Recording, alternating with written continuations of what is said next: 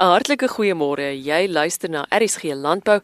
Hierdie program word moontlik gemaak deur die Wes-Kaapse Departement van Landbou en my naam is Eloise Pretorius. RSG tussen 100 en 104 FM en www.rsg.co.za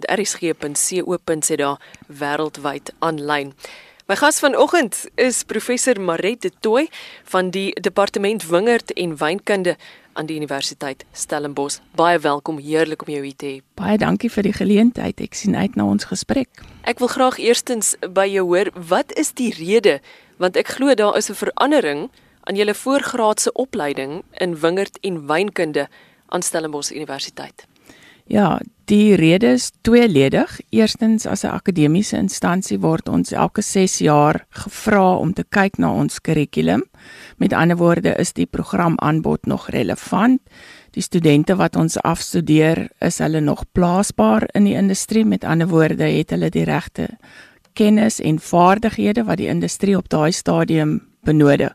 So ja, so ons het in 2016 dus begin om te kyk of hierdie twee aspekte um nog in ons omgewing relevant is en wat moet ons verander indien nodig om daai gapings te kan aanspreek en daar is definitief 'n paar gapings geïdentifiseer wat ons dus moet kyk hoe kan ons dit bybring om die aanstelbaarheid van die student wat ons aflewer vir die industrie dan toepaslik te maak. Wat is die grootste veranderinge wat jy maak aan hierdie graadprogram? So die eerste een, ons graadprogram staan tans bekend as BSc Agriek in wingerd en wynkunde en omdat daar twee ander instansies plaaslik is wat ook grade het in wingerd en wynkunde, het ons besluit om ons naam eerstens te verander na BSc Agriek in wingerd en wynwetenskappe omdat ons die enigste tersiêre instansie is waar studente kan studeer in hierdie vakgebied en omdat ons onderbou baie sterk wetenskaplik gefundeer is, het ons besluit om hierdie verandering aan te bring.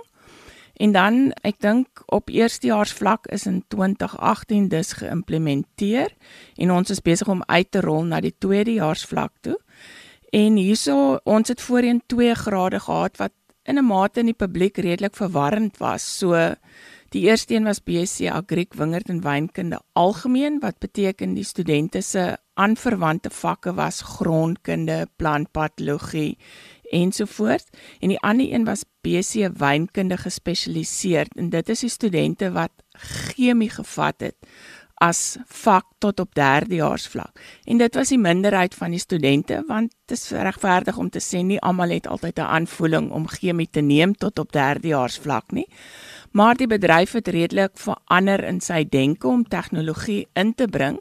So analitiese werk is redelik belangrik. Ehm um, jy kry baie data terug om dit almal gebruik nuwe tegnologieë om wingerde te meet, korrels te meet, hoe besluit jy om te oes? En selfs aan die wynkunde kant is mense doen baie meer gesofistikeerde analises.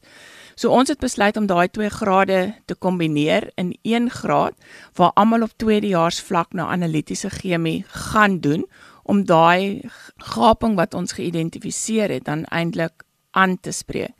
Die tweede groot verandering is dis regverdig om te sê die doelpale vir die industrie het redelik verskuif na mense wat hulle wyne moet verkoop, die wynmakers moet um, skoue bywoon, hulle be moet bemarking doen en daar was 'n gevoel uit die industrie uit dat ons moet kyk om 'n bemarkingskomponent in ons graadkursus in te bring as gevolg van hierdie verandering in die werks opset van 'n wynmaker om dan hierdie aspekte te kan dek. So op derdejaars vlak gaan ons dan basiese bemarkingskursus inbring wat kyk na verbruikerstudie, hoe kom jy in 'n nuwe mark in? Wat is belangrik? Hoe gebruik jy sosiale media uit 'n bemarkingsoogpunt? Want dis alles goed wat in die laaste 5 na 10 jaar dink ek baie verander het uit die tradisionele manier hoe bemarking gedoen het. En ons gevoel is net dat ons ons studente, omdat daar geen graad in wynbemarking is op hierdie stadium nie, om die basiese beginsels in te bring in die graadkursus.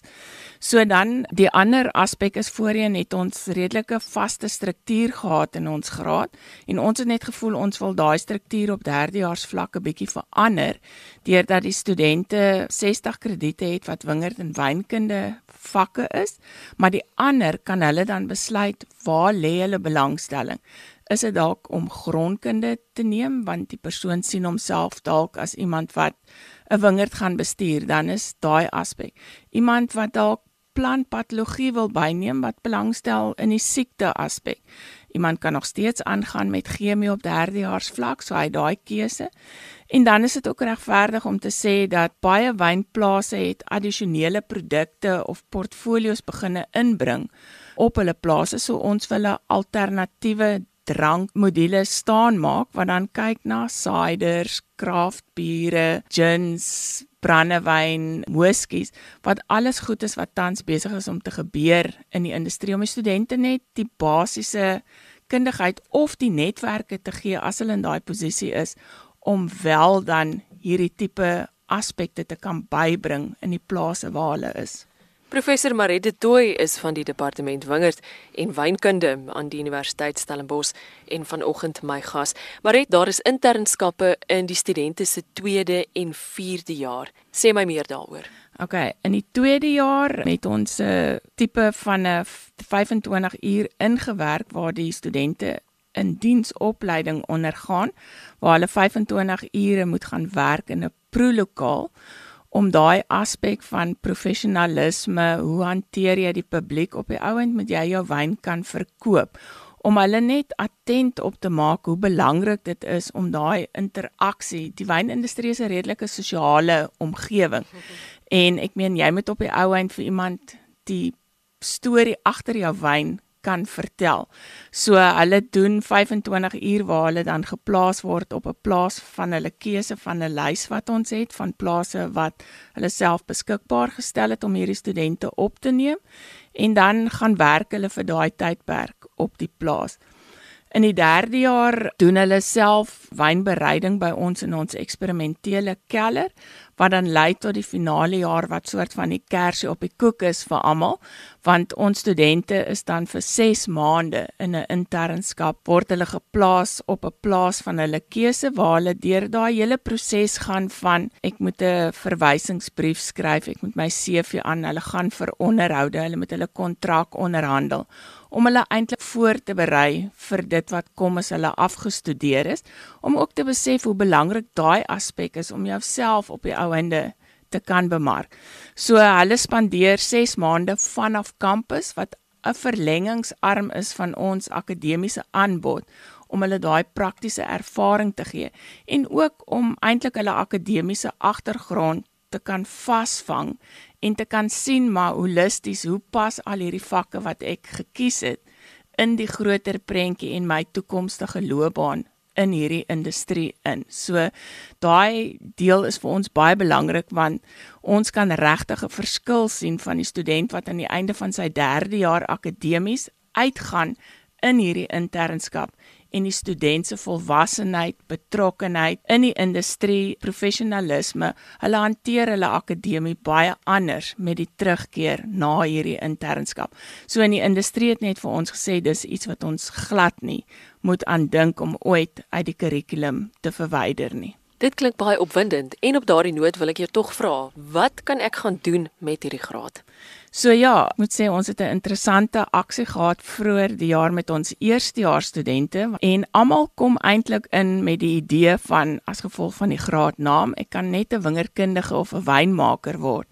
Maar ons het toe 22 mense uit die industrie gekry met die eerstejaars om te sê kom ontmoet jou toekomstige werkgewer. So ons het oud studente gevra uit verskillende sektore, natuurlik wingerd en wynkundiges daarbey, maar ek meen die wynindustrie het 'n waardeketting. Dis nie net daai twee wat op die ou end die bottel maak nie. So ons het mense uit die vatindustrie gekry, uit die verskaffersomgewing, bemarkers beide op groot plase, klein plase. En ek meen die reaksie, die studente moes reflekteer daarop. Natuurlik entrepreneurskap is deel daarvan. So ons het heelwat studente wat afstudeer wat hulle eie ding gaan doen en die studente was net oorweldig om te besef wat hulle graad eintlik vir hulle kan gee.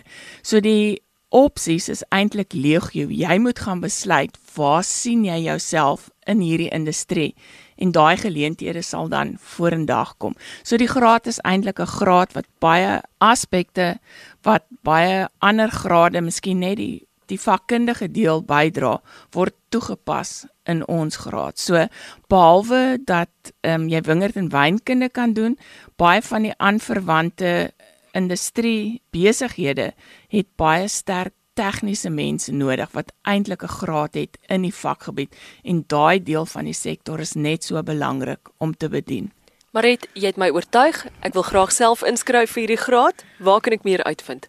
Natuurlik, ek is die voorgraadse koördineerder by die universiteit, so mense kan my beslis kontak. Ons het hierdie jaar Februarie 'n oop dag waar ons natuurlik almal verteenwoordig sal wees en ek wil almal uitnooi om verby te kom indien jy enigsins belangstel om in hierdie graad te studeer om die relevante inligting, nuutste inligting waartoe gaan ons met hierdie kurrikulum te kom opdoen en 'n ingeligte besluit op die ou einde te neem. So gesels professor Maret de Tooy van die departement wingerd en wynkunde aan die Universiteit Stellenbosch. Nou onthou as jy meer wil lees oor die saak, is jy baie welkom om te gaan kuier op www.rsg.co.za of elsenburg.com. My naam is Eloise Pretorius. Tot volgende keer. Groete.